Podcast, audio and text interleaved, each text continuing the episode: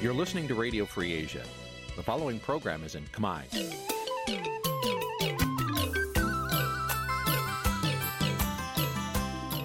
នេះជាកម្មវិធីផ្សាយ Vuthu Azizi Serai នេះជាកម្មវិធីផ្សាយរបស់ Vuthu Azizi Serai ជា ភាសាខ្មែរ Vuthu Azizi Serai សូមស្វាគមន៍លោកអ្នកនាងទាំងអស់ពីរដ្ឋធានី Washington នៃសហរដ្ឋអាមេរិក។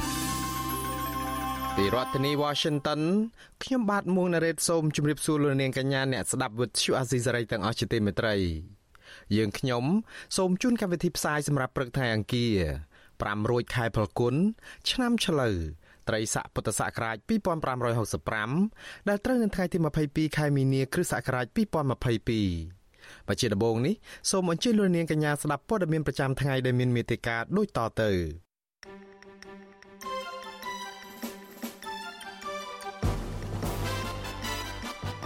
អ្នកខ្លាំមើលសង្គមថាកម្ពុជាជាប្រធានបដូវវេនអាស៊ានគ្មានសុឆន្ទៈពិតប្រាកដដើម្បីជួយដោះស្រាយវិបត្តិនយោបាយនៅភូមាកញ្ញាសេងធីរីថាការគ្រប់គ្រងឲ្យមានប្រជាធិបតេយ្យឡើងវិញនៅកម្ពុជា មិនមែនជាអំពើអូក្រិត កោចប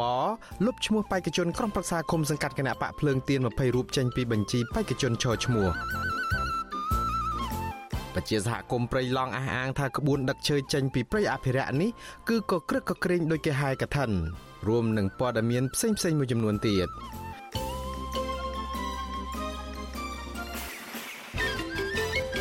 បជាបន្តទៅទៀតនេះខ្ញុំបាទមុងណារ៉េតសូមជូនព័ត៌មានទាំងនេះពឺស្ដា បលរនាងជាទីមេត្រីអ្នកឃ្លាំមើលសង្គមថាកម្ពុជា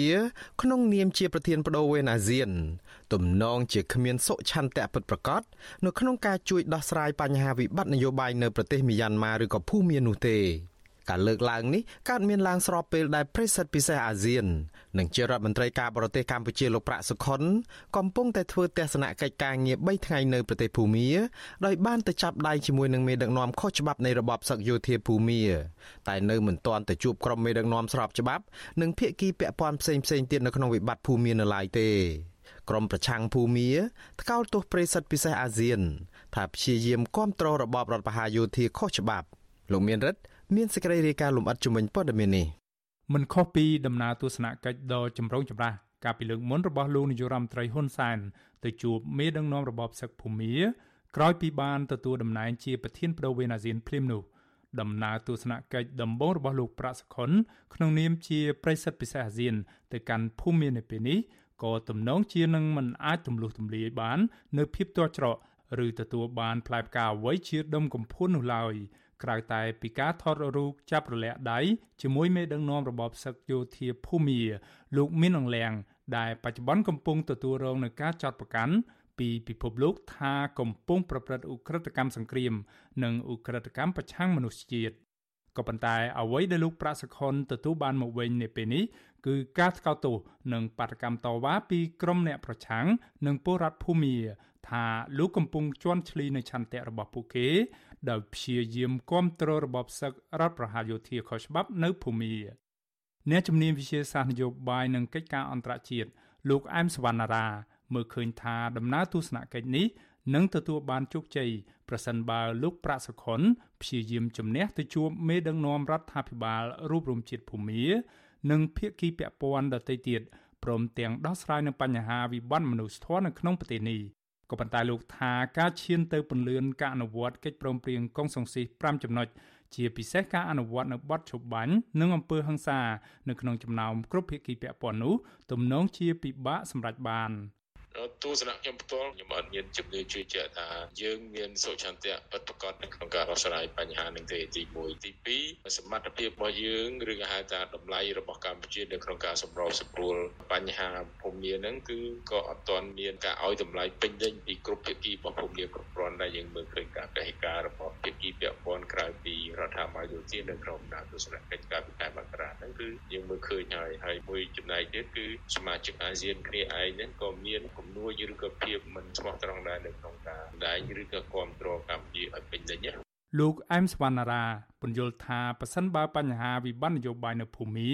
អាចត្រូវបានដោះស្រាយរួចនោះមានន័យថាបញ្ហាភូមិនេះលែងចោទជាបញ្ហាធំអតិភិបរបស់អាស៊ានទៀតហើយដែលការនេះអាចធ្វើឲ្យអាស៊ានងាកមកផ្ដោតលើបញ្ហាធ្លាក់ចុះនៃលទ្ធិប្រជាធិបតេយ្យនៅក្នុងប្រទេសថៃនិងកម្ពុជាវិញម្ដង វិសុវស៊ីស្រីបានព្យាយាមតាក់ទងแนะនាំពាក្យក្រសួងការបរទេសកម្ពុជា លោកជុំសន្ទ្រីដើម្បីសុំការបញ្ជាក់បន្ថែមពីកម្មវិធីលម្អិតនៃដំណើរទស្សនកិច្ចការងាររបស់ប្រិស័ទពិសេសអាស៊ាននៅពេលនេះនឹងចង់ដឹងថាតើលោកប្រាក់សខុនអាចនឹងជួបជាមួយភាគីពាក់ព័ន្ធដទៃទៀត រួមទាំងមេដឹកនាំស្របច្បាប់ភូមាអ្នកស្រីអ៊ុងសានស៊ូជីដែលត្រូវបានរបបសឹកយោធាភូមាចាប់ដាក់គុកដែរឬយ៉ាងណានោះក៏ប៉ុន្តែនៅពុំទាន់ទទួលបានការឆ្លើយតបនៅឡើយទេក៏ត្រឹមម៉ោងផ្សាយនេះរដ្ឋាភិបាលកម្ពុជាបានព្យាយាមរក្សាភាពស្ងៀមស្ងាត់ជុំវិញបញ្ហានេះសេចក្តីថ្លែងការណ៍របស់ក្រសួងការបរទេសកម្ពុជា កាលពីថ្ងៃទី18ខែមីនា ឲ្យដឹងថាដំណើរទស្សនកិច្ចលើដំបូងនេះមានគោលបំណងដើម្បីបង្កើតនៅលក្ខខណ្ឌអំណោយផលឈានទៅដល់ការបិទបញ្ចប់អំពើហិង្សា និងការអត់ធ្មត់ខ្ពស់បំផុត របស់គ្រប់ភាគីភូមិទាំងអស់ក្រៅពីនេះក៏មានគោលដៅចែកចាយជំនួយមនុស្សធម៌និងលើកទឹកចិត្តឲ្យមានកិច្ចពិគ្រោះយោបល់និងកិច្ចសន្ទនានយោបាយនៅក្នុងចំណោមគ្រប់ភាគីពាក់ព័ន្ធទាំងអស់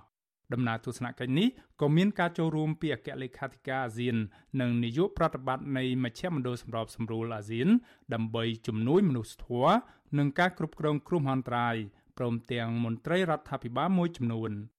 វិសុវស៊ីស្រីផ្សាយជាភាសាភូមា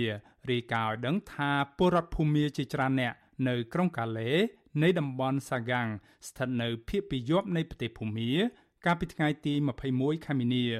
បាននាំគ្នាចេញតវ៉ាតាមផ្លូវប្រឆាំងនឹងវត្តមានរបស់លោកប្រាក់សុខុនពួកគេបានលើកស្លាកសរសេរជាភាសាអង់គ្លេសថាពួកគេមិនត្រូវការវត្តមានលោកប្រាក់សុខុននោះទេ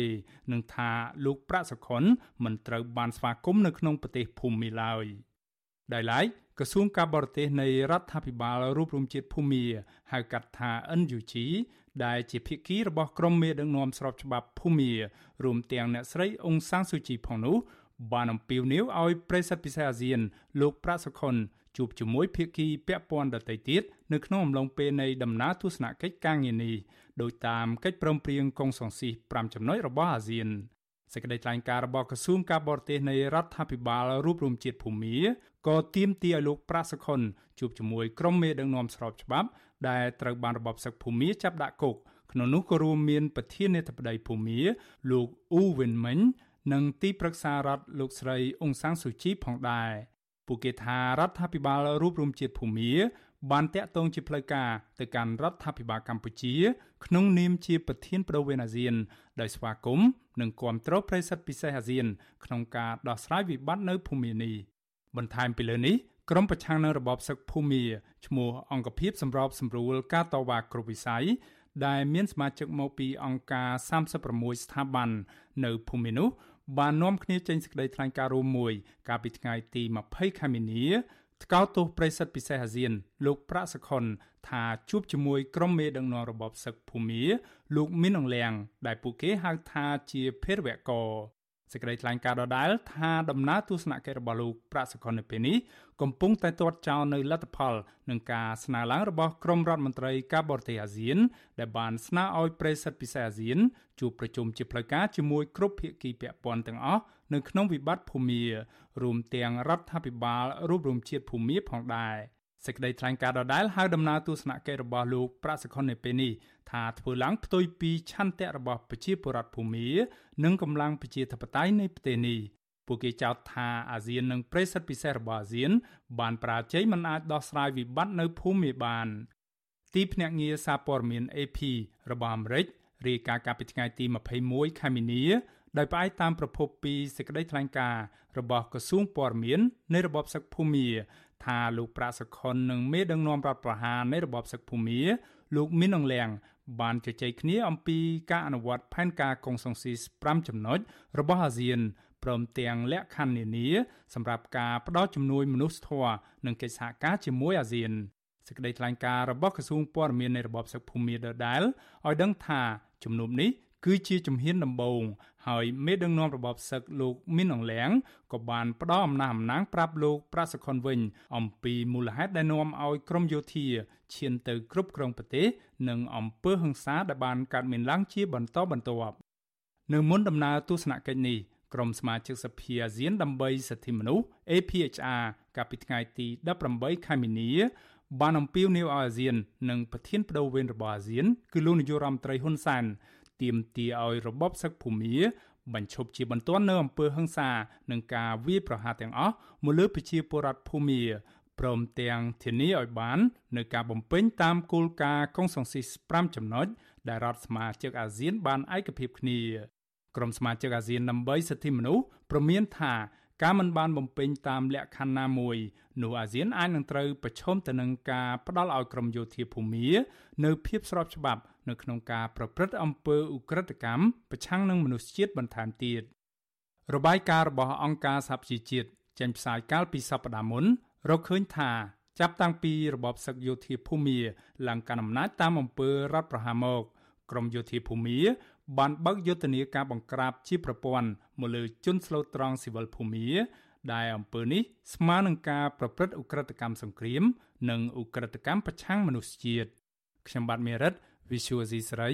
រាយការណ៍ពីរដ្ឋធានី Washington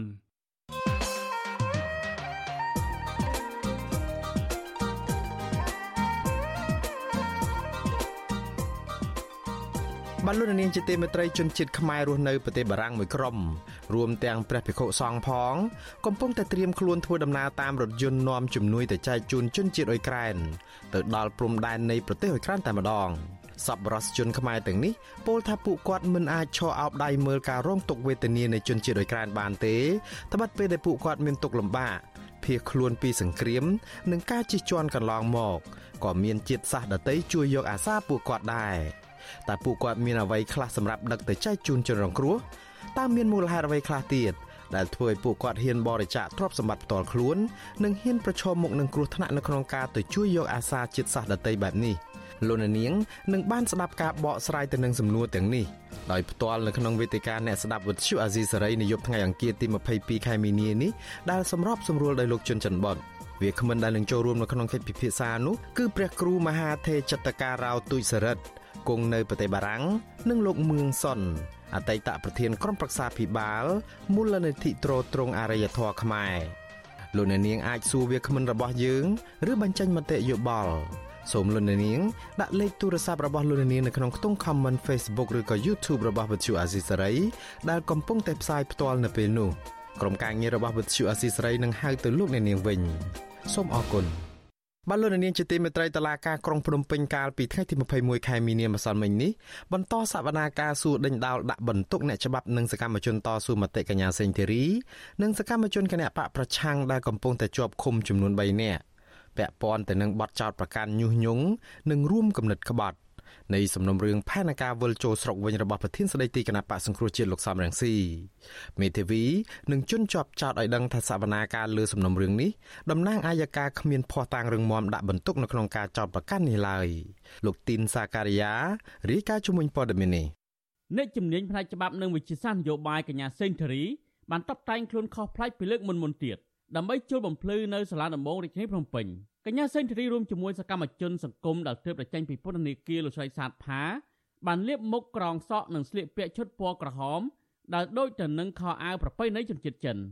ការស្លៀកពាក់នេះគឺចង់បង្ហាញទៅកាន់បរតខ្មែរតាក់ទងទៅនឹងវត្តមានយោធារបស់ចិននៅកម្ពុជាប្រធានក្រុមជំនុំជម្រះសាលាដំបងរាជធានីភ្នំពេញបានបន្តសវនាការដោយបង្ហាញភ័ស្តុតាងរបស់មន្ត្រីនគរបាលផ្នែកប្រឆាំងអំពើភេរវកម្ម ដែលបានកសាងសំណុំរឿងបញ្ជូនមកតុលាការកន្លងមកជុំវិញនឹងសវនកម្មនេះមេធាវីនឹងជន់ជាប់ចោតសង្កេតឃើញថាតុលាការនៅតែគ្មានភ័ស្តុតាងរឿងមមណាមួយដើម្បីដាក់បន្ទុកនោះទេមេធាវីការពារក្តីឲ្យកញ្ញាសេងធារីគឺលោកសំសកុងប្រាប់វិទ្យុអស៊ីសេរីក្រោយពីចប់សវនាការថាសមត្ថកិច្ចបានបង្ហាញភ័ស្តុតាងដែលទាញចេញពី Facebook របស់ជនជាប់ចោតនិង Facebook របស់លោកសំរងស៊ីដើម្បីកសាងសំណុំរឿងបញ្ជូនមកតុលាការ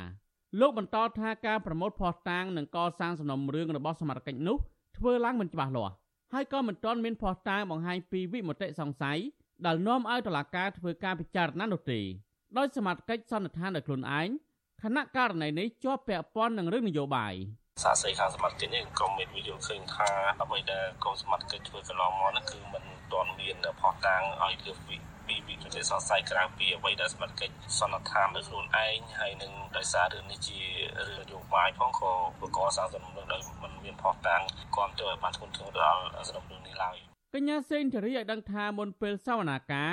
កញ្ញារំពឹងថាមន្ត្រីនគរបាលនឹងបង្ហាញវីដេអូឃ្លីបព្រោះកញ្ញាចង់ដឹងថាតើវីដេអូនោះកាត់តឬកែប្រែបែបណាប៉ុន្តែនៅក្នុងបន្ទប់សវនាការនគរបាលមិនបានបង្ហាញវីដេអូឃ្លីប ដែលលើកឡើងនៅក្នុងរបាយការណ៍ចោទប្រកាន់នោះទេកញ្ញាចាត់ទុកសវនាការនេះថាជាការគួរឲ្យអស់សំណើចដែលតុលាការបន្តសួរដេញដោលរឿងដដាលដដែលខ្ញុំអាចជាប់គុកដល់12ឆ្នាំនៅក្នុងកន្លែងចង្អៀតអត់មានសេរីភាពមកពីរូបភាពហ្នឹងខ្ញុំថតរូបនៅក្នុងការលើកដៃ9មករៀម9អស់ចា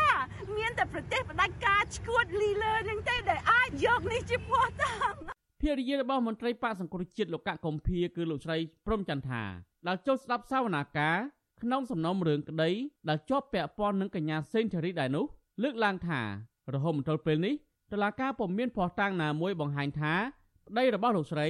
និងសកម្មជនគណបកប្រឆាំងដទៃទៀតមានទោសកំហុសដោយការចោទប្រកាន់នោះទេលោកស្រីនៅតែយល់ថាសវនាការលើសំណុំរឿងនេះមានចរិតនយោបាយដូច្នេះគ្មានសង្ឃឹមថានឹងទទួលបានយុត្តិធម៌នោះទេ គណៈប្តីលោកស្រីបានជាប់ពន្ធនាគារអស់រយៈពេល7ឆ្នាំទាំងអយុធធរ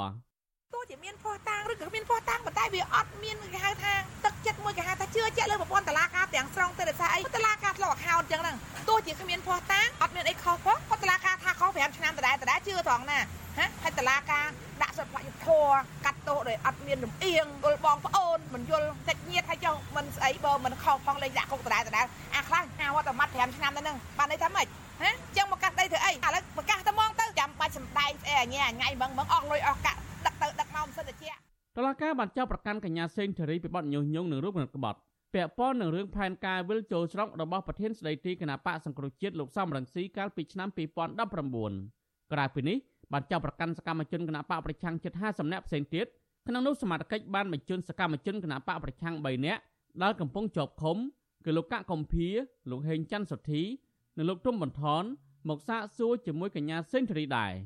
ចំណែកឯនៅក្រៅរបងតឡាការវិញ មានការឃ្លាំមើលពីសាច់ញាតិនិងមិត្តភ័ក្តិអ្នកជាប់ឃុំជាង10នាក់ដែលស្ថិតក្នុងការឃ្លាំមើលនិងតឹងរឹងពីក្រុមសមត្ថកិច្ចជាង20នាក់ដែលឈរជើងជំវិញបរិវេណតុលាការតុលាការនឹងបន្តសវនាការជាថ្មីទៀតនៅថ្ងៃទី28ខែមីនាខាងមុខដើម្បីបន្តសួរដេញដោលលើផុសតាំងផ្សេងទៀត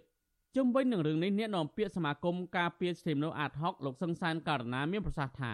មតិជាតិនិងអន្តរជាតិនៅតែចាត់ទុករឿងក្តីក្តាំនេះកើតចេញពីវិវាទនយោបាយ លោកសង្កេតឃើញថាដំណើរការសំណុំរឿងនេះ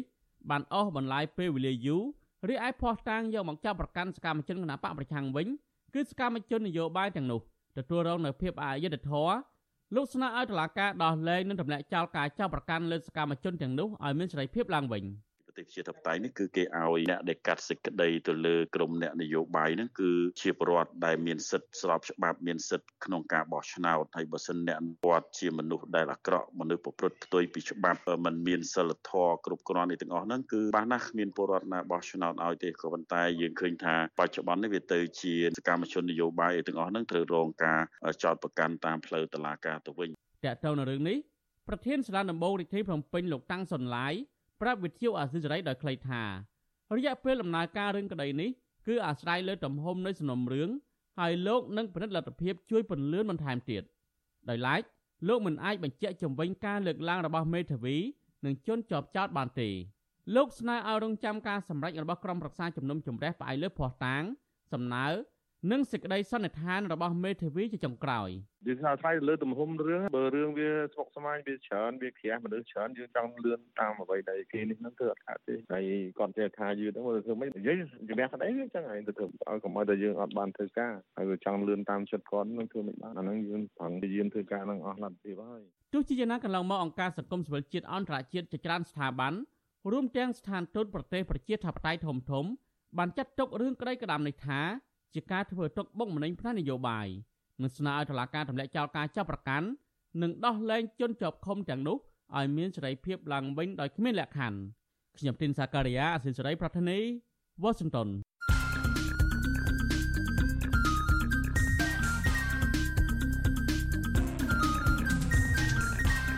បតសំភារ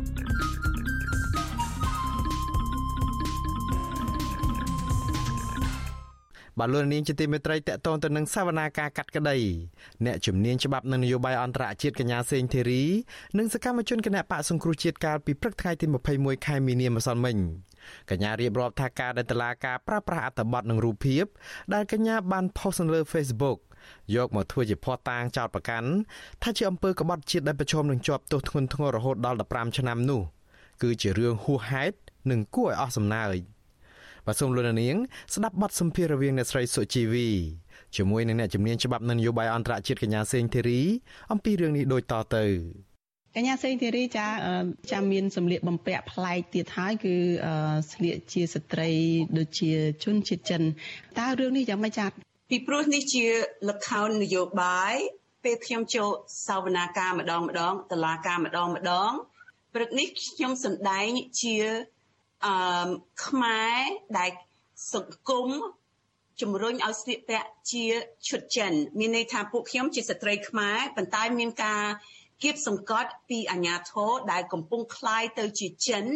ចង់បង្ហាញថាយើងកំពុងឈ្មោះទៅអាណានិគមនិយមចិនហើយយើងឈប់មានអត្តសញ្ញាណផ្ទាល់ខ្លួនហើយ បានចឹងនេះជានិមិត្តរូបនៃការគ្រោះថ្នាក់ដល់ជីវិតជីវិតជាតិមកពីយើង កំពុងបាត់បង់អត្តសញ្ញាណជាជនជាតិខ្មែរចំពោះសវនកម្មនឹងដំណើរការយ៉ាងម៉េចទៅហើយមានការឆ្លើយឆ្លងគ្នាអីយ៉ាងម៉េចពីព្រោះបើតាមដឹងនឹងធីរីបានដូចជាសមាធិអញ្ចឹងទៅហើយក៏មានសោចហួសចិត្តឆ្លើយឆ្លងគ្នានៅក្នុងសវនកម្មនឹងតើដំណើរការយ៉ាងម៉េចខ្លះទៅចា៎រឿងនឹងវាខ្វះហេតុពេកឈប់អាចខឹងបានពីព្រោះវាហួសកម្រិតខឹង វាហួសកម្រិតស្រក់ទឹកភ្នែកពីព្រោះយើងស្រក់ទឹកភ្នែកសឹងតែរាល់ថ្ងៃយើងត្រូវការរួមអារម្មណ៍យើងសម្រាប់អ្វីផ្សេងទៀតបានចឹងវាហួសហេតុពេកខ្ញុំមានតែសមាធិបួងសួងហើយមានតែអស់សំណើចហើយខ្ញុំរួមស្មារតីជាមួយអ្នកប្រជាធិបតេយ្យពីពេញពិភពលោកអានេះជាសញ្ញានិមិត្តរូបក្នុងការចូលរួមជាមួយអ្នកប្រជាធិបតេយ្យនៅភូមានៅក្នុងសវនាការតែម្ដងពេញមួយព្រឹក ពេលខ្ញុំចូលបំភ្លឺខ្ញុំធ្វើតាមធម្មតាប៉ុន្តែពេលខ្ញុំនៅសម្រាប់ខ្ញុំសមាធិហើយខ្ញុំលើកម្រាមដៃ3ជានិមិត្តរូបអឺលទ្ធិប្រជាធិបតេយ្យសវនាការបានបន្តដេញដោលសមត្ថកិច្ចនេះជាថ្ងៃទី3ហើយជាសវនាការទី3ហើយដែលសវនាការព្រះរាជអាជ្ញាមេធាវីតំណាងឲ្យគ្រប់ជនជាប់ចោត ហើយចៅក្រមបានសួរលើសមត្ថកិច្ចថ្ងៃនេះមានតែ3នាក់ឯងអឺលើកទី1មានប្រហែល6 7នាក់ហើយគាត់អត់មានចម្លើយអីដែលមានមូលដ្ឋានធ្វើឲ្យខ្ញុំអស់សំណើចអ្វីដែលខ្ញុំចង់គូសបញ្ជាក់ដែលធ្វើឲ្យអស់សំណើចពិសេសចំពោះខ្ញុំដែលមានជំនាញច្បាប់អ្វីដែលគេចោទប្រកាន់លើខ្ញុំអំពីឧក្រិដ្ឋកម្មសាហាវជាងគេបង្អស់ នៅក្នុងការក្បត់ជាតិនៅក្នុងការធ្វើឲ្យជាតិអាចបាត់បង់ជីវិតនេះអ្វីដែលគេកំពុងចោទលើពួកខ្ញុំគេមានត្រឹមតែប៉ុណ្្នឹងយករូបភាពខ្ញុំទៅសេលេខ9ខ្ញុំកំពុងដំណាក់លេងជាមួយឆ្កែអាដឡៃឡានាំដើរតាមមាត់ស្ទឹងទលេលើកដៃ9គេថានេះជាបដិវត្តពណ៌អត់ឲ្យខ្ញុំអស់សំណើចមិនបានវាហួសហេតុពេក អ្វីឲ្យគេនិយាយតែព្រៀងអូមានផែនការផែនការខ្ញុំបានបញ្ជាក់ផែនការសម្រាប់អីគេផែនការសម្រាប់ខូខើសម្រាប់ឧក្រិដ្ឋកម្មឬផែនការសម្រាប់លទ្ធិប្រជាធិបតេយ្យនៅក្នុងការស្ថាបនាសិទ្ធិនៅក្នុងការអភិវឌ្ឍសិទ្ធិដែលយើងកំពុងលើកស្ទួយហើយមានតែប៉ុណ្្នឹងដែលអាចឲ្យខ្ញុំជាប់គុកដល់12ឆ្នាំ នៅក្នុងគុកដែលណែនចង្អៀត ដែលមានដែលអមនុស្សធម៌អត់ឲ្យខ្ញុំអស់សំណើចបានចឹងខ្ញុំត្រៀមសម្រាប់គុកពីព្រោះវាអយុត្តិធម៌ដល់ដល់កម្រិតនឹងដែលខ្ញុំនឹងជ្រៀងបើគេដាក់គុកខ្ញុំហើយខ្ញុំគិតថាឥឡូវអាចពីព្រោះខ្ញុំអត់លាក់លៀមទេភាសាខ្ញុំមមប៉ុន្តែនៅក្នុងព្រំដែនសិទ្ធដែលច្បាប់ធម្មនុញ្ញការពាររបស់ខ្ញុំហើយឲ្យខ្ញុំជាប់គុកសម្រាប់9ស្លឹកហ្នឹង ដែលជាគាត់ស្រង់តាម Facebook របស់ខ្ញុំនឹងដែលជាសិទ្ធិមូលដ្ឋានរបស់ខ្ញុំការពារដោយរដ្ឋធម្មនុញ្ញនឹងនឹងមិនឲ្យខ្ញុំអស់សំណើហើយមិនមែនត្រឹមតែខ្ញុំទេច្រើនអ្នកទៀតដែលគេកំពុងចោទប្រកាន់លីលើបែបនេះដែលខ្ញុំឈប់ខឹងខ្ញុំបួងសួងឲ្យពួកគាត់ហើយបីអ្នកគាត់មានម្នាក់ដែលខ្ញុំសូមប្រើពាក្យនេះមិនមែននៅក្នុងការវាយប្រហារប៉ុន្តែអត់មានពាក្យអីទៀតក្រៅពីពួកពីពួកងារគាត់ ធ្វើឲ្យខ្ញុំចាប់អារម្មណ៍អំពីរឿងកំ pl ែងមួយនៅអាមេរិកគេហៅ The Three Stooges ហើយមានម្នាក់ជានាំមុខគេតែម្ដងនៅក្នុងការសម្ដែងដោយគាត់អូអត់ដឹងអីអានឹងយើងហៅថាអជ័យហើយនេះគាត់ជាសមាជិកខ្លះគាត់អត់ដឹងមែនខ្លះពេលមេធាវីរបស់ខ្ញុំសួរសំណួរគាត់គាត់អត់យល់សំណួរនឹងតែម្ដង ហើយសំណួរមែនតើថាមិនសាមញ្ញប៉ុន្តែក៏មិនមិនមែនពិបាកហ្មងទេប៉ុន្តែខ្លះពួកគាត់ធ្វើពុតហេតុអីបានជាកញ្ញាប្រៀបធៀបទៅជាថាគាត់មិនបានយល់សាច់រឿងអីទៅវិញពីព្រោះមន្ត្រីនគរបាលដែលចូលមកសវនកម្មនៅថ្ងៃនេះនេះគឺជាមន្ត្រីដែលមកពីខាងដូចជាការិយាល័យភេរវកម្មអីផង មកហ្នឹងគឺប្រកាសជាគាត់មានភ័ស្តុតាងប្រកាសជាគាត់មានអំណះអំណាងមានការស៊ើបអង្កេតមានអីគាត់ច្បាស់លាស់ហើយទើបគាត់ចូលមកក្នុងសវនកម្មនៅថ្ងៃនេះចា៎ក្នុង3អ្នកព្រឹកមិញនេះដែលមានម្នាក់នៅក្នុងសវនាការ3នឹងគាត់ច្រើនតែចេញមុខហើយគាត់មិនតែជាអជ័យជាងគេធ្វើខ្ញុំចាប់អារម្មណ៍អំពីរបាយការណ៍របស់ដុល្លារភាពអន្តរជាតិអង្គការដុល្លារភាព Transparency International ថា មានស្ថាប័ន3ដែលពុករលួយជាងគេបង្អស់មានន័យថាគាត់បានទួនាទីមកពីអង្គើពុករលួយឬគាត់អែបអមគាត់អត់មានសមត្ថភាពទេប៉ុន្តែគេចេះតែដាក់គាត់នៅក្នុងទួលនីតិនឹងហើយធ្វើខ្ញុំចាប់អារម្មណ៍បែបនឹងតែម្ដងពីព្រោះគាត់អត់យល់ទួលនីតិគាត់តែម្ដងជានគរបាលដែលកំពុងផ្ដល់ការគ្រោះថ្នាក់ដល់ខ្ញុំហើយអ្នកដទៃទៀតកំពុងរងរងទុក្ខវេទនាពិសេស អ្នកទោសមនសិការហើយក្រុមគ្រួសារគាត់កូនគាត់ចៅគាត់ប្រពន្ធគាត់លហេមលហាននៅក្នុងការស្វិតស្វែងទៅរកស៊ីចិញ្ចឹមជីវិតផង ចូលសវនាការផងខ្ជះខ្ជាយអធនធានជាតិផងតើកញ្ញាគិតថាសវនកម្មនេះអាចនឹងបញ្ចប់នៅពេលណាទេឬក៏បន្តជាហោហែអញ្ចឹងរហូតទៅឬក៏យ៉ាងម៉េចចា៎ ទាំងអស់គ្នាដឹងថានេះជាករណីនយោបាយវាតេតិនដល់ខ្យល់នយោបាយចាស់ខ្យល់នយោបាយផាត់ទៅឆ្វេងករណីនឹងទៅឆ្វេងផលនយោបាយផាត់ទៅស្ដាំករណីនឹងផ្អៀងទៅស្ដាំបានអញ្ចឹងវាតេតិនដល់អង្គខ្យល់នយោបាយផាត់ទៅខាងណាទៅទិសណាអឺពិសេសតេតិនដល់ខ្ញុំដែលមានសិនជាតិអាមេរិកហើយឥឡូវអ្វីដែលជារឿងក្តៅចំពោះរដ្ឋាភិបាលចំពោះរដ្ឋាភិបាលរបស់ផ្ដាច់ការនេះគឺជាកិច្ចប្រជុំកម្ពុជារវាងអាស៊ានហើយសហរដ្ឋអាមេរិកបានចឹងមុនដំបូងពួកគាត់គិតថាអូឲ្យមានសោកក្រមមុនកិច្ចប្រជុំនឹងទៅអាចមានស្អីដែលងាយស្រួលឲ្យកិច្ចប្រជុំនឹងវារលូនឲ្យគាត់មានមុខមាត់ទៅប៉ុន្តែឥឡូវខ្ញុំមានការសង្ស័យថាចិនអត់នៅស្ងៀមទេគេដាក់សម្ពាធណាហើយយើងជាសមាជភូមិកំពុងរងគ្រោះរវាងរបស់មហាអំណាចពិភពលោកអឺ ដោយប្រើរបបផ្ដាច់ការនេះសវនាការនឹងយើងអត់ដឹងហើយប៉ុន្តែប្លែកបន្តិចពីព្រោះពេលលោក Jared Genzer មានវត្តមាននៅកម្ពុជាហើយគាត់មានវត្តមាននៅសវនាការជាពួកម៉ាស្និទ្ធស្នាលតាំងពីយូរអង្វែងមករបស់ខ្ញុំចៅក្រមប្រធានបានប្រកាសថាឥឡូវគាត់នឹងបែងចែកករណី1140នឹងទៅសវនាការពីរក្រុមក្រុមនៃថ្ងៃអង្គារក្រុមរបស់ខ្ញុំហើយក្រុមថ្ងៃប្រហ័ស ក្រុមថ្ងៃអង្គារកំពុងបន្តទៅមុខក្រុមថ្ងៃប្រហ័សស្ទះក្រុមថ្ងៃអង្គារនឹងជិតចប់ហើយតាដេញដល់សមត្ថកិច្ចហើយហើយបានដេញដល់ខ្ញុំហើយហើយភាគីផ្សេងផ្សេងទៀតហើយមានន័យថាចៅក្រមត្រូវការ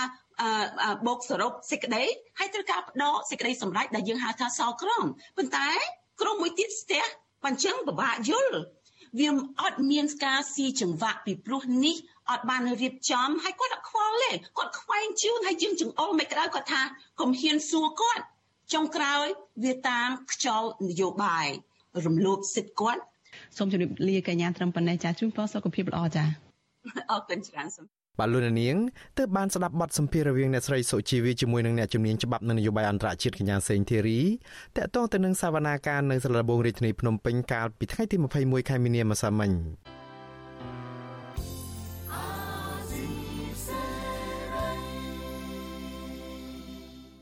បាទលោកនាងជាទីមេត្រីលោកនាងកំពុងតែស្ដាប់ការផ្សាយរបស់វិទ្យុអាស៊ីសេរីដែលផ្សាយចេញពីរដ្ឋធានី Washington សហរដ្ឋអាមេរិកលោកនាងក៏អាចស្ដាប់ការផ្សាយរបស់វិទ្យុអាស៊ីសេរីដំណើរគ្នាទៅនឹងការផ្សាយតាមបណ្ដាញសង្គម Facebook និង YouTube នេះតាមរយៈរលកធារកាសខ្លីឬក៏ Short Wave ពេលព្រឹកចាប់ពីម៉ោង5កន្លះដល់ម៉ោង6កន្លះតាមរយៈរលកធារកាសខ្លី9390 kHz ស្មើនឹងកម្ពស់ 32m និង11850 kHz ស្មើនឹងកម្ពស់ 25m ពេលយប់ចាប់ពីម៉ោង7កន្លះដល់ម៉ោង8កន្លះតាមរយៈរលកធារកាសខ្លី9390 kHz ស្មើនឹងកម្ពស់ 32m និង15155 kHz ស្មើនឹងកម្ពស់ 20m បាទសូមអរគុណ បលូននាងជាទីមេត្រីសហជីពនិងក្រុមបុគ្គលិកក្រុមហ៊ុន Nagavel ខកចិត្តចំពោះក្រុមហ៊ុនបនលបែង Nagavel ដែលនៅតែបន្តបដិសេធមិនទទួលយកបុគ្គលិកនិងសមាជិកសហជីពឲ្យចូលធ្វើការវិញតាមការទាមទាររបស់ក្រុមបុគ្គលិកនិងសហជីពនោះប្រតិកម្មនេះកើតឡើងបន្ទាប់ពីតំណាងបុគ្គលិកចំនួន5នាក់បានចូលតុចរចាជាមួយតំណាងក្រុមហ៊ុន Nagavel ដោយមានការសម្របសម្រួលពីក្រសួងការងារកាលពីថ្ងៃទី21ខែមីនាម្សិលមិញលោកលេងម៉ាលីមានសេចក្តីរាយការណ៍ជំវិញព័ត៌មាននេះ វិវាទការងារនៅក្រុមហ៊ុន Nagavel ដែលអូសបន្លាយជិត1ឆ្នាំមកហើយរវាងកម្មករនិងថៅកែបនលបែងដ៏ធំមួយនេះនៅមិនទាន់អាចបញ្ចប់បាននៅឡើយទេដោយសារភាគីទាំងពីរនៅតែបដិសេធរាល់ការស្នើសុំរបស់ភាគីពិភាក្សាភាគីកម្មករទាមទារឲ្យលើកយកការស្នើសុំឲ្យបុគ្គលិកជាង200នាក់ចូលធ្វើការវិញមកពិភាក្សាមុនគេនិងលើកយកជំរើសដោះដូរបុគ្គលិកជាង300នាក់ ដែលសុកចិត្តលាឈប់ពីការងារដើម្បីបដូរឲ្យបុគ្គលិកជាង200នាក់នោះបានចូលធ្វើការវិញប៉ុន្តែសំណើពីខាងកម្មករទាំងនេះត្រូវបានភាគីក្រុមហ៊ុនបដិសេធមិនពិចារណានោះទេតំណាងក្រុមបុគ្គលិកកញ្ញាឈឹមស៊ីធថ្លែងថាក្រុមកម្មករខកចិត្តចំពោះលទ្ធផលចរចាថ្ងៃទី21នោះព្រោះផ្ទុយពីក្តីសង្ឃឹមរបស់តំណាងសហជីពដែលរំពឹងថាការចរចានេះអាចនឹងទទួលបានជោគជ័យទាំងភាគីកម្មករនិងភាគីក្រុមហ៊ុន កញ្ញាឈឹមស៊ីធអះអាងថាភាគីកម្មករបានធ្វើសម្បទានជាច្រើនក្នុងការចរចាបញ្ចប់វិវាទមួយនេះរួមទាំងការសរសេរលិខិតឲ្យបាននៅក្រៅឃុំដើម្បីចរចា និងសន្យាមិនដឹកនាំការតវ៉ាជាដើមហើយការសម្បទានធំមួយទៀតនោះគឺយើងព្រមចូលចរចាទាំងដែលបាត់ចោតនឹងមិនទាន់ទម្លាក់ចោលដល់ពួកយើងទេបើយើងនិយាយពីតរយៈភាពអំណាចនៅក្នុងការចរចាគឺយើងអត់មានបាត់ទៅហើយក៏ប៉ុន្តែយើងគិតថាយើងជាកូនជាចៅ នៅពេលដែលដឹងដំណឹងថាសម្ដេចឧបនាយករដ្ឋមន្ត្រីសខេងលោកបានកោះហៅប្រជុំដើម្បីស្វែងរកដំណោះស្រាយនេះយើងគិតថាយើងជាកូនជាចៅយើងសុខចិត្តថាយើងបន្ទន់អេយ៉ាបត់យើងបោះដៃទៅថ្នាក់ដឹកនាំយើងដើម្បីឲ្យពួកយើងបាននៅក្រៅឃុំជាប្រសិនហើយរកដំណោះស្រាយមួយដែលទទួលយកបានទាំងអស់គ្នានេះគឺជាក្តីសង្ឃឹមតែមួយគត់ដែលយើងមុននឹងដើរចេញពីពន្ធនាគារយើងចង់បានអញ្ចឹងយើងមិនដឹងថាយើងត្រូវសម្បទានអីទៀតណាវាអស់វាអស់ហើយដែលយើងត្រូវសម្បទានទៀតហើយ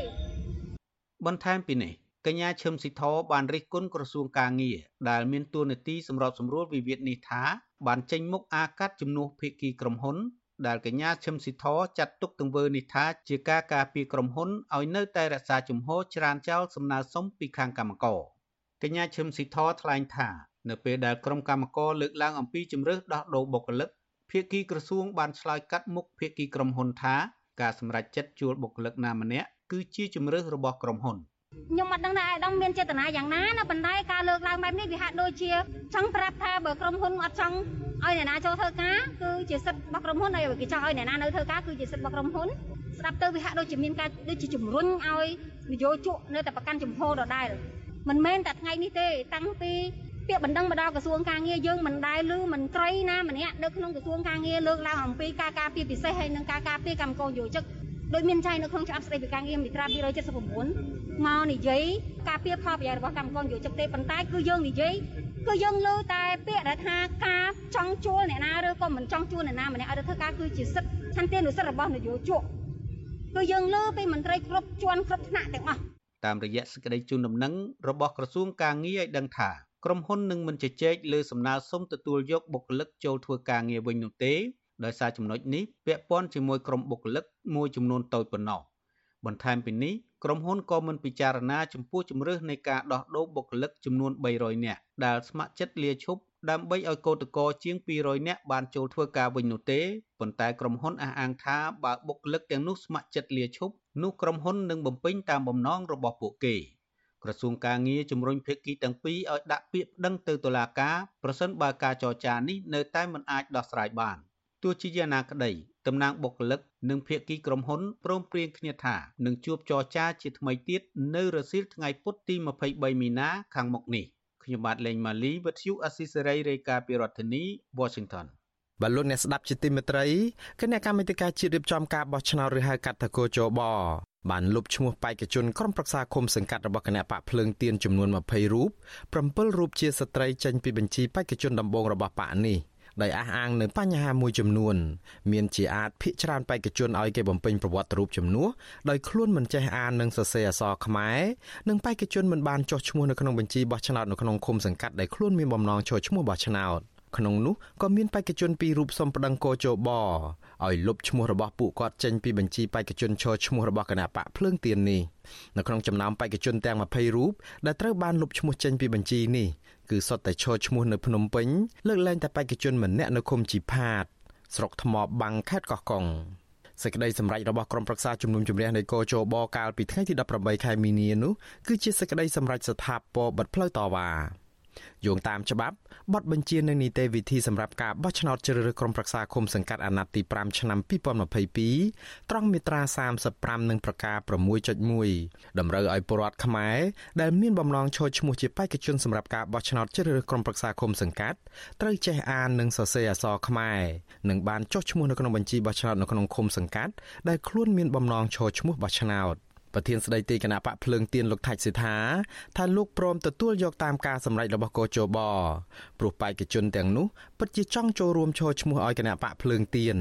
ទើបពឹងឲ្យសកម្មជនបកនេះជួយសរសេរប្រវត្តិរូបទាំងខ្លួនមិនដឹងអំពីលក្ខខណ្ឌទាំងនេះ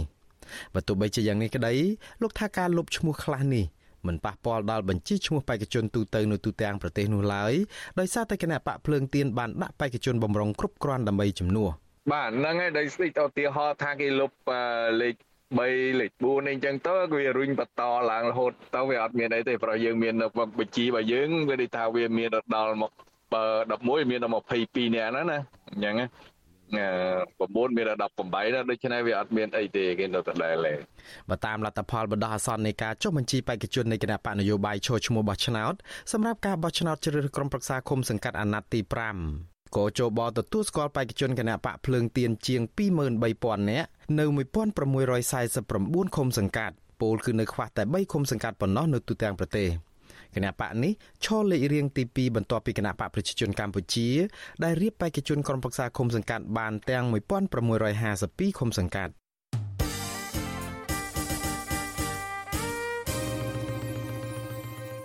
បច្ចុប្បន្នគណៈបកភ្លើងទៀននេះដែលស្ថាបនិកនៃគណៈបកបេះដូងជាតិដែលត្រូវបានក្រសួងមហាផ្ទៃលុបចេញពីបញ្ជីគណៈបកនយោបាយ បានប្រកាសគាំទ្រជំហរនិងសកម្មភាពនយោបាយរបស់គណៈបកភ្លើងទៀនតំណាងស្ថាបនិកនៃគណៈបកបេះដូងជាតិលោកសៀមភ្លុកនៅក្នុងសេចក្តីប្រកាសកាលពីថ្ងៃទី21ខែមីនាម្សិលមិញថាជំហរនិងសកម្មភាពនយោបាយរបស់គណៈបកភ្លើងទៀនមានភាពស្របគ្នាទៅនឹងជំហរនិងគោលនយោបាយរបស់គណៈបកបេះដូងជាតិនិងដោយសារតែក្រសួងមហាផ្ទៃលុបឈ្មោះគណៈបករបស់លោកចេញពីបញ្ជីទើបលោកអំពាវនាវឲ្យបណ្ដាសមាជិកស្ថាបនិកសកម្មជននិងអ្នកធ្លាប់ចូលរួមគាំទ្រគណៈបកនេះ នាំគ្នាចូលរួមបន្តសកម្មភាពនយោបាយជាមួយនឹងគណៈបកភ្លើងទៀនលោកអះអាងថាការចូលរួមសកម្មភាពនយោបាយជាមួយនឹងគណៈបកភ្លើងទៀនគឺដើម្បីសម្រេចគោលដៅនិងផលប្រយោជន៍រួមសម្រាប់ជាតិ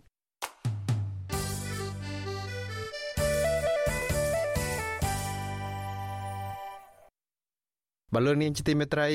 ងាកមកព័ត៌មានអំពីទស្សនកិច្ចរបស់នាយករដ្ឋមន្ត្រីជប៉ុននៅប្រទេសកម្ពុជានោះវិញ នាយករដ្ឋមន្ត្រីជប៉ុនលោក Fumio Kishida បានបញ្ចប់ដំណើរទស្សនកិច្ចរយៈពេល2ថ្ងៃនៅកម្ពុជាហើយដំណើរទស្សនកិច្ចនេះលោកនាយរដ្ឋមន្ត្រីជប៉ុនបានជួបពិភាក្សាជាមួយនឹងលោកនាយរដ្ឋមន្ត្រីហ៊ុនសែនកាលពីថ្ងៃទី20ខែមីនានៅវិមានសន្តិភាពភាគីទាំងពីរបានជជែកអំពីទំនាក់ទំនងរវាងប្រទេសទាំងពីរបញ្ហាសេដ្ឋកិច្ចសុខាភិបាលសិទ្ធិមនុស្សប្រជាធិបតេយ្យនិងបញ្ហាសន្តិសុខជាដើម នៅក្នុងសេចក្តីថ្លែងការណ៍រួមរវាងកម្ពុជានិងជប៉ុនចេញផ្សាយកាលពីយប់ថ្ងៃទី20ខែមីនាមេដឹកនាំទាំងពីរបានអំពាវនាវដោយយល់ស្របគ្នាថាការឈ្លានពានរបស់រុស្ស៊ីទៅលើប្រទេសអ៊ុយក្រែនដែលជាការរំលោភបំពានលើរដ្ឋអធិបតេយ្យភាពនិងបូរណភាពទឹកដីទៅលើប្រទេសនោះជាការរំលោភធ្ងន់ធ្ងរទៅលើធម្មនុញ្ញអង្គការសហប្រជាជាតិមេដឹកនាំទាំងពីរបានអំពាវនាវឲ្យបញ្ឈប់អំពើហិង្សានិងដកកម្លាំងទ័ពចេញពីទឹកដីអ៊ុយក្រែនជាបន្ទាន់ ចំណែកឯសារព័ត៌មាន Asia Nikkei សារព័ត៌មាននេះចុះផ្សាយកាលពីថ្ងៃទី21ខែមីនាម្សិលមិញនេះថាលោកនាយរដ្ឋមន្ត្រីជប៉ុននឹងយកលទ្ធផលនៃដំណើរទស្សនកិច្ចរបស់លោកនៅកម្ពុជានេះទៅប្រាប់ដល់បណ្ដាប្រទេស Z7 ដែលគ្រោងនឹងរៀបចំកិច្ចប្រជុំនៅទីក្រុង Brussels ប្រទេស Belgium លោកនាយករដ្ឋមន្ត្រីជប៉ុនបញ្ជាក់ថាវាមានសារៈសំខាន់ណាស់សម្រាប់ប្រទេស Z7 នៅក្នុងការទទួលបានរបាយការណ៍ពីប្រទេសជប៉ុនដែលជាសមាជិកអាស៊ីតែមួយគត់ រីឯលោកនាយរដ្ឋមន្ត្រីហ៊ុនសែនវិញលោកអះអាងថាសង្គ្រាមមិនអាចបញ្ចប់បានទេដរាបណាភាគីទាំងពីរមិនស្វែងរកដំណោះស្រាយតាមការចរចាដោយសន្តិវិធីនោះលោកហ៊ុនសែនបានបដិញ្ញាចិត្តនៅចំពោះមុខនាយរដ្ឋមន្ត្រីជប៉ុនថានៅក្នុងនាមជាប្រធានអាស៊ានលោកនឹងខិតខំស្វែងរកដំណោះស្រាយនៃបញ្ហានានាដូចជាស្ថានភាពនយោបាយនៅប្រទេសភូមាជាដើម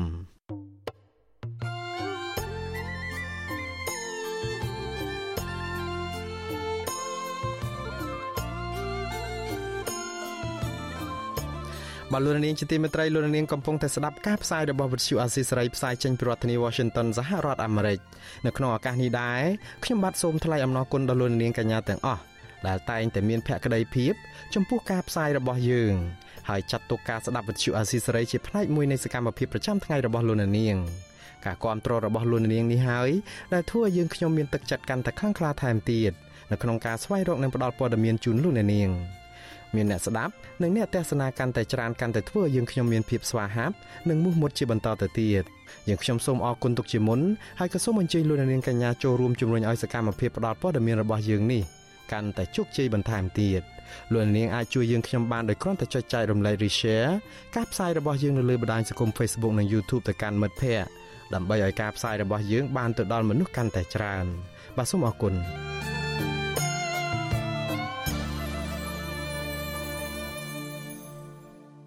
បាទលោកនាងជាទីមេត្រីសមត្ថកិច្ចកំពុងតែបន្តស្រាវជ្រាវរកអ្នកជាប់ពាក់ព័ន្ធនឹងការជួញដូរគ្រឿងញៀនជាង20គីឡូក្រាមនៅឯខេត្តព្រៃវែងនៅឡើយក្រោយពីឃាត់ខ្លួនបរិះជាអ្នកបើករថយន្តម្នាក់កាលពីថ្ងៃទី18ខែមីនាអគ្គលេខាធិការអាជ្ញាធរជាតិប្រយុទ្ធប្រឆាំងគ្រឿងញៀននៃក្រសួងមហាផ្ទៃលោកមាសវិរិទ្ធឲ្យកសែតភ្នំពេញប៉ុស្តិ៍ដឹងកាលពីថ្ងៃទី20ខែមីនាថាសមត្ថកិច្ចមិនទាន់បញ្ចេញអត្តសញ្ញាណបរិះម្នាក់ដែលជាអ្នកបើកបររថយន្តដឹកគ្រឿងញៀននោះនៅឡើយទេ ព្រោះពេលនេះស្ថិតនៅក្នុងនីតិវិធីស៊ើបអង្កេតរោគអ្នកជាប់ពាក់ព័ន្ធបន្តដើម្បីស្វែងរកម្ចាស់គ្រឿងញៀននោះយកមកផ្ដន្ទាទោសតាមច្បាប់កាលពីថ្ងៃទី18ខែមីនា សមត្ថកិច្ចបានឃាត់រថយន្តពាក់ស្លាកលេខคล้ายៗមួយគ្រឿងនិងបរិះម្នាក់ជាអ្នកបើកបរផ្ទុកគ្រឿងញៀន20គីឡូក្រាមនៅភូមិលឹកឃុំរំជែកនៅឯស្រុកប្រស្ដាច់ខេត្តព្រៃវែង ក្រោយពីខាត់ខ្លួនអាជ្ញាធរគ្រឿងញៀនសហការនឹងព្រាអាជ្ញាអមសាលាដំបងរាជធានីភ្នំពេញលោកឆាយហុងបានពិនិត្យឃើញថ្នាំញៀនប្រភេទ MDMA ចំនួន15752ក្រាម និងថ្នាំញៀនប្រភេទកេតាមីនចំនួន4996ក្រាម និងថ្នាំញៀនមេតាំហ្វេតាមីនចំនួន14.4ក្រាម កាលពីចុងខែធ្នូឆ្នាំ2021កន្លងទៅអាជ្ញាធរបានបង្ក្រាបសិប្បកម្មផលិតគ្រឿងញៀនដ៏ធំមួយកន្លែងនៅស្រុកអរ៉ាល់ខេត្តកំពង់ស្ពឺដោយរឹបអូសបានគ្រឿងញៀនប្រមាណ100តោននិងឃាត់ក្រុមអក្រិតជនជាង10នាក់ភ ieck ច្រើនជាជនជាតិចិននៅក្នុងនោះមានជនជាតិចិនម្នាក់បានស្លាប់ដោយសារការប៉ះទង្គិចគ្នាដោយអាវុធជាមួយនឹងសមត្ថកិច្ចមកទល់ពេលនេះសមត្ថកិច្ចមិនទាន់ចាប់បានអ្នកជាប់ពាក់ព័ន្ធនៅក្នុងករណីផលិតគ្រឿងញៀនដ៏ធំនេះបាននៅឡើយដែរទោះជាមានការសហការជាមួយអាជ្ញាធរចិនក្តី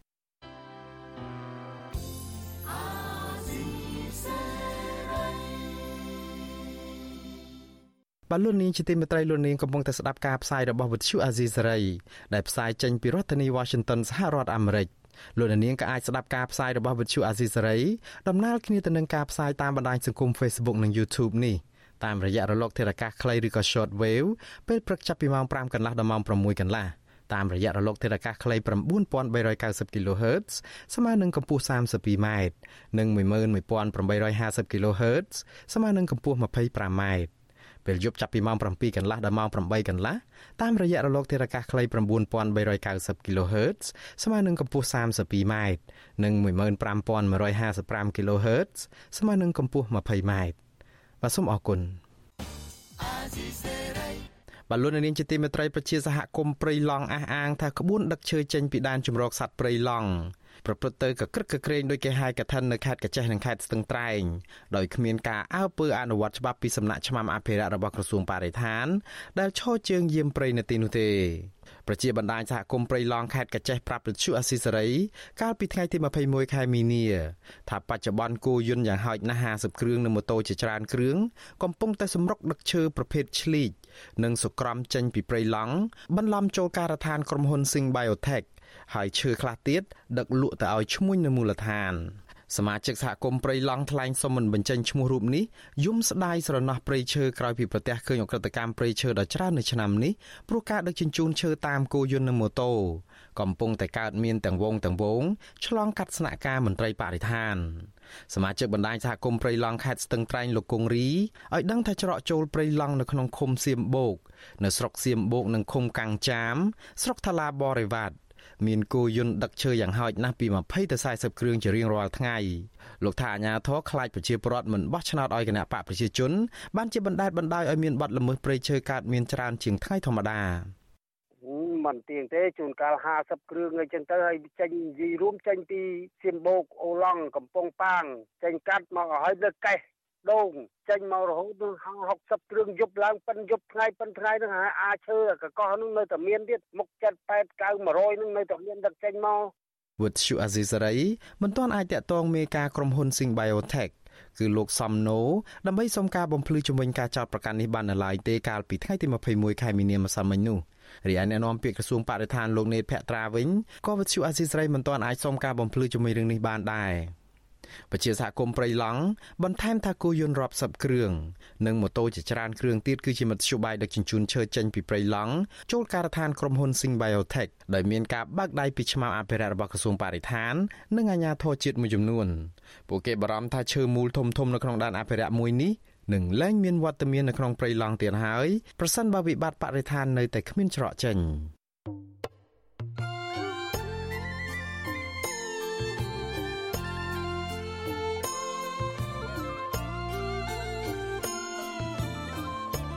បាទលោកនាងជាទីមេត្រីលោកនាងកំពុងតែស្ដាប់ការផ្សាយរបស់វិទ្យុអាស៊ីសេរីផ្សាយចេញពីរដ្ឋធានី Washington សហរដ្ឋអាមេរិកនៅក្នុងឱកាសនេះដែរខ្ញុំបាទសូមថ្លែងអំណរគុណដល់លោកនាងកញ្ញាទាំងអស់ដែលតែងតែមានភក្ដីភាពចំពោះការផ្សាយរបស់យើងហើយចាត់ទុកការស្ដាប់វិទ្យុអាស៊ីសេរីជាផ្នែកមួយនៃសកម្មភាពប្រចាំថ្ងៃរបស់លោកនាង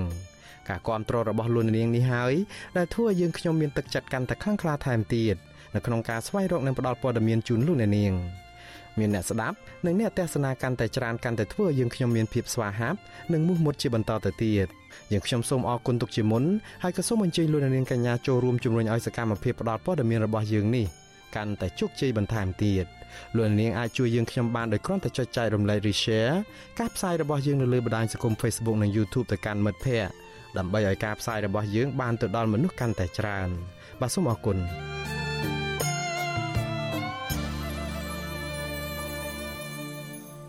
បលូននាងជាទីមេត្រីងាកមកដំណឹងអំពីខ្មែរកម្ពុជាក្រោមឯនោះវិញ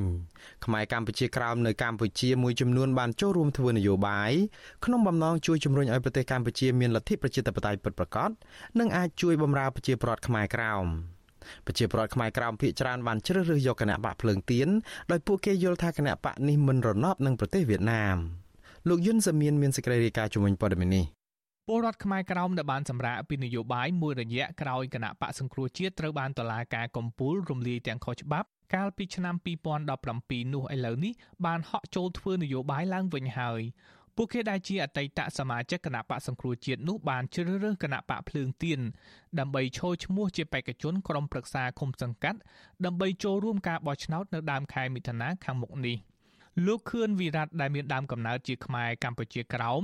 និងជាអតីតចៅសង្កាត់រងទី1សង្កាត់បឹងទំពុនទី2រាជធានីភ្នំពេញបានសម្រេចឈរឈ្មោះជាបេក្ខជនចៅសង្កាត់បឹងទំពុនទី2សម្រាប់គណៈបកភ្លើងទៀនលោកខឿនវិរៈសង្កេតឃើញថាបច្ចុប្បន្នគណៈបកនយោបាយដែលអាចคล้ายជាក្តីសង្ឃឹមរបស់ពលរដ្ឋខ្មែរក្រោមនៅកម្ពុជា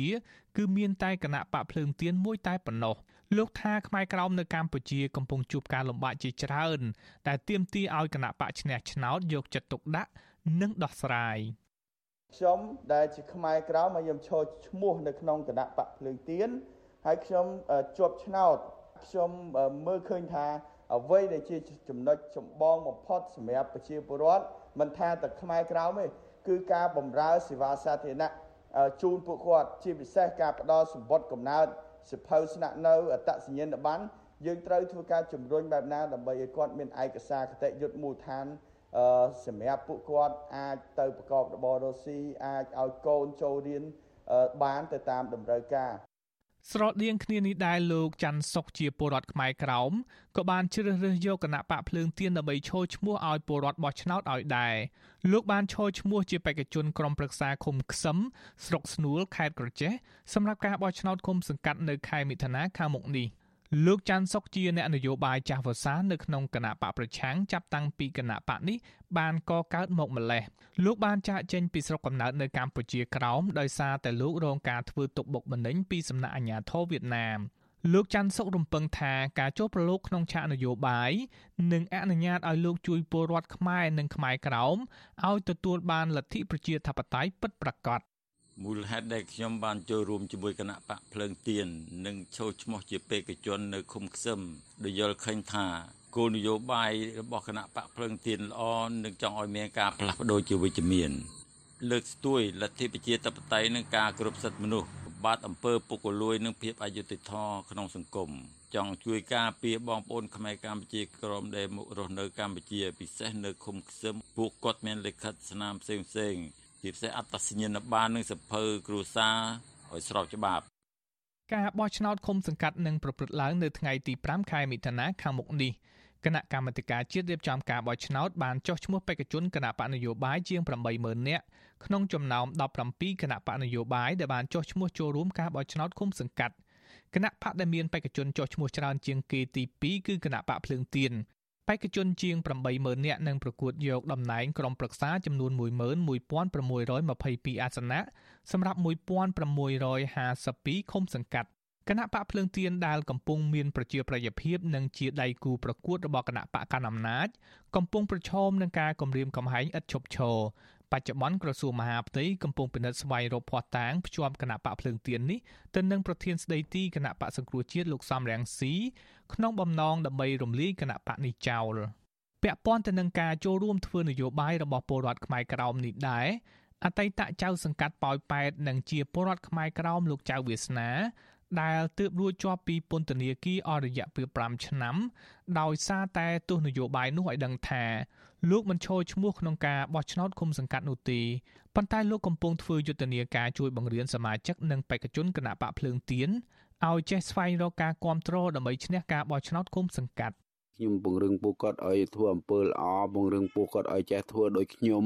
ឲ្យពួកគាត់ចេះស្វែងរកសម្លេងដូចខ្ញុំឲ្យពួកគាត់កុំមានការតក់ស្លុតភ័យខ្លាចដូចខ្ញុំណាខ្ញុំចង់ឲ្យ ឃើញ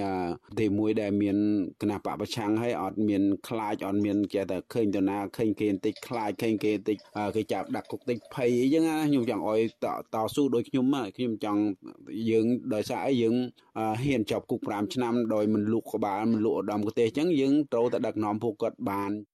លោកចៅវាសនាក៏ដូចជាខ្មែរក្រោមផ្សេងទៀតដែរបានចេញពីស្រុកកំណើតនៅខេត្តព្រះត្រពាំងកាលពីឆ្នាំ1989ដោយសារតែការធ្វើទុកបុកម្នេញពីសំណាក់រដ្ឋាភិបាលវៀតណាមលោកត្រូវបានវៀតណាមចោទប្រកាន់រឿងបង្រៀនអក្សរនិងប្រវត្តិសាស្ត្រខ្មែរដល់ព្រះសង្ឃនិងពលរដ្ឋខ្មែរក្រោមវាហាក់មិនចម្លែកប៉ុន្មាននោះទេដែលខ្មែរក្រោមមួយចំនួនគាំទ្រគណៈបកភ្លើងទៀនលោកថាច់សេដ្ឋាអនុប្រធានគណៈបកភ្លើងទៀនក៏ជាខ្មែរក្រោមម្នាក់ដែរ លោកធ្លាប់លើកទឹកចិត្តឲ្យខ្មែរក្រោមចូលរួមធ្វើនយោបាយនិងគាំទ្រគណៈបកណាដែលគិតពីផលប្រយោជន៍ខ្មែរពិតប្រាកដមិនថាខ្មែរនោះរស់នៅទីកន្លែងណាក៏ដោយហើយគណៈបកនោះក៏មិនត្រូវជាប់ជំពាក់គុណបរទេសដែរបច្ចុប្បន្នខ្មែរក្រោមប្រមាណ1លាននាក់កំពុងរស់នៅលើទឹកដីកម្ពុជាអង្គការសង្គមស៊ីវិលដែលធ្វើការងារនឹងពលរដ្ឋខ្មែរក្រោមប្រមាណថាយ៉ាងហោចណាស់ក៏មានខ្មែរក្រោមប្រមាណ1សែននាក់កំពុងចូលរួមធ្វើនយោបាយនៅកម្ពុជា ខ្ញុំយុនសាមៀនវិទ្យុអាស៊ីសេរីប្រធានាធិបតី Washington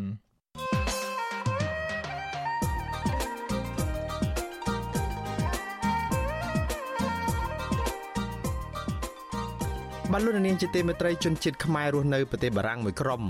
រួមទាំងព្រះភិក្ខុសង្ឃផង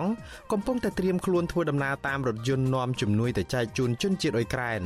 ទៅដល់ព្រំដែននៃប្រទេសអ៊ុយក្រែនតែម្ដង។ សប្បុរសជនខ្មែរទាំងនេះពោលថាពួកគាត់មិនអាចឈរអោបដៃមើលការរងទុក្ខវេទនានៃជនជាតិដោយក្រានបានទេត្បិតពេលដែលពួកគាត់មានទុក្ខលំបាកភៀសខ្លួនពីសង្គ្រាម និងការជិះជាន់កន្លងមកក៏មានជាតិសាសន៍ដតីជួយយកអាសាពួកគាត់ដែរ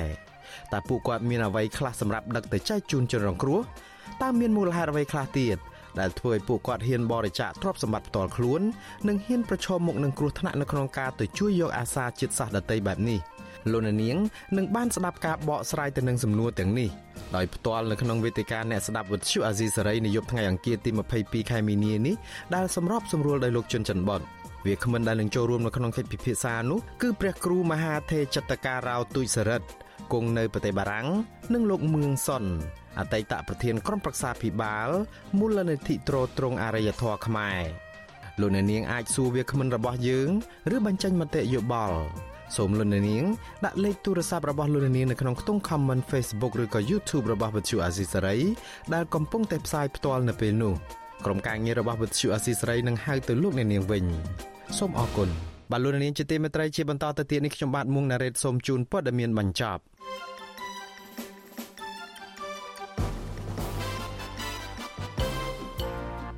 អ្នកខ្លំមើលសង្គមថាកម្ពុជានៅក្នុងនាមជាប្រធានបដូវវេនអាស៊ាន ទំនងជាគ្មានឆន្ទៈពិតប្រាកដក្នុងការជួយដោះស្រាយបញ្ហាវិបត្តិនយោបាយនៅប្រទេសភូមានោះទេការលើកឡើងនេះកើតមានឡើងស្របពេលដែលប្រេសិតពិសេសអាស៊ាននិងជារដ្ឋមន្ត្រីការបរទេសកម្ពុជាលោកប្រាក់សុខុនកំពុងតែធ្វើទស្សនកិច្ចការងារ3ថ្ងៃនៅប្រទេសភូមាដោយបានទៅចាប់ដៃជាមួយនឹងមេដឹកនាំខុសច្បាប់នៃរបបសឹកយោធាភូមាតែនៅមិនទាន់ទៅជួបក្រុមមេដឹកនាំស្របច្បាប់និងភាគីពាក់ព័ន្ធផ្សេងៗទៀតនៅក្នុងវិបត្តិភូមានៅឡើយទេ ក្រមប្រឆាំងភូមាថ្កោលទោសប្រិសិទ្ធពិសេសអាស៊ាន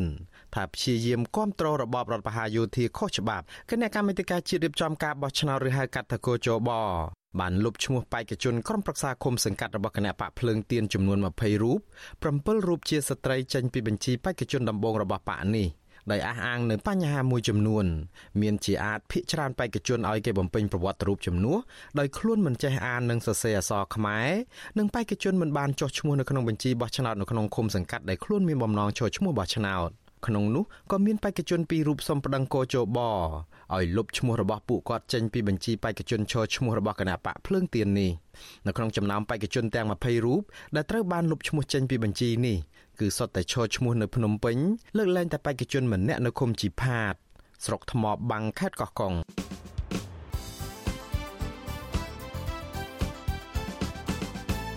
បលូននាងកញ្ញាអ្នកស្ដាប់ជាទីមេត្រី ការផ្សាយរយៈពេល1ម៉ោងជាភាសាខ្មែររបស់វិទ្យុអាស៊ីសេរីនៅពេលនេះចប់តែប៉ុណ្ណេះយើងខ្ញុំសូមជូនពរដល់លោកអ្នកនាងព្រមទាំងក្រុមគ្រួសារទាំងអស់ឲ្យជួបប្រកបតែនឹងសេចក្តីសុខចម្រើនរុងរឿងកុំបីឃ្លៀងឃ្លាតឡើយ ខ្ញុំបាទមួងណារ៉េតព្រមទាំងក្រុមការងារទាំងអស់នៃវិទ្យុអាស៊ីសេរីសូមអរគុណនិងសូមជម្រាបលា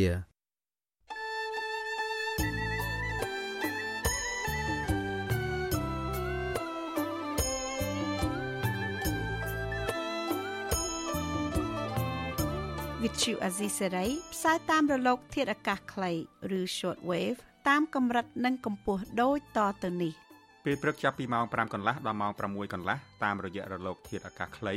9940 kHz ស្មើនឹងកម្ពស់ 30m ពេលយប់ចាប់ពីម៉ោង7កន្លះដល់ម៉ោង8កន្លះតាមរយៈរលកធាតុអាកាសខ្លី9960 kHz ស្មើនឹងកម្ពស់ 30m និង11240 kHz ស្មើនឹងកម្ពស់ 25m លោកអ្នកនាងក៏អាចស្ដាប់ការផ្សាយផ្ទាល់តាមប្រព័ន្ធអ៊ីនធឺណិត ដោយចូលទៅកាន់គេហទំព័រ www.rfa.org/ ខ្មែរក្រៅពីនេះលោកអ្នកនាងក៏អាចអាននិងទស្សនាព័ត៌មានវិទ្យុអាស៊ីសេរីលើទូរស័ព្ទដៃរបស់លោកអ្នកផ្ទាល់សូមលោកអ្នកនាងចូលទៅកាន់បណ្ដាញសង្គម Facebook ដែលមានអាសយដ្ឋាន www.facebook.com/rfa cambodia និង YouTube www.youtube.com/rfa khmer video សូមលោកអ្នកនាងចុច like និងចុច subscribe ដើម្បីទទួលបានព័ត៌មានថ្មីៗទាន់ហេតុការណ៍និងទស្សនាវីដេអូផ្សេងៗទៀតបានគ្រប់ពេលវេលា